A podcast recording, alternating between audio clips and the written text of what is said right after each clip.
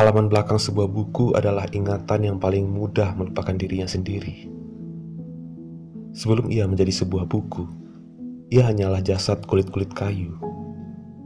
Ketika tinta merekatkan dirinya kembali, ia sebetulnya merelakan aroma tanah, menyerahkan dirinya untuk ditumbuhi oleh hal-hal yang lain, serupa pikiran-pikiran maupun puisi-puisi.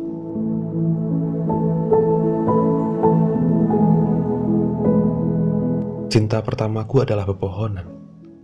Sedari kecil, aku suka sekali menanam dan menemaninya tumbuh. Ibuku pernah berkata, "Jika kau mencintai buku, kau harus membaginya dengan pepohonan." Buku dan ibuku tak ada bedanya. Kubagi cintaku pada ketiganya.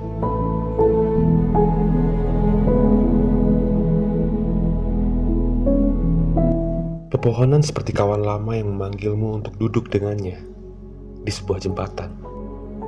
Aku tidak pernah bisa membantah apa pun yang ia ceritakan ketika aku tumbuh besar. Menjadi dewasa adalah perihal menjawab pertanyaan-pertanyaan di masa lalu.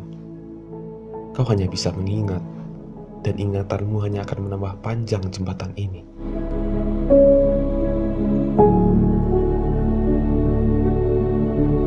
Ada banyak hal di dunia ini yang tak bisa menghentikan dirinya sendiri.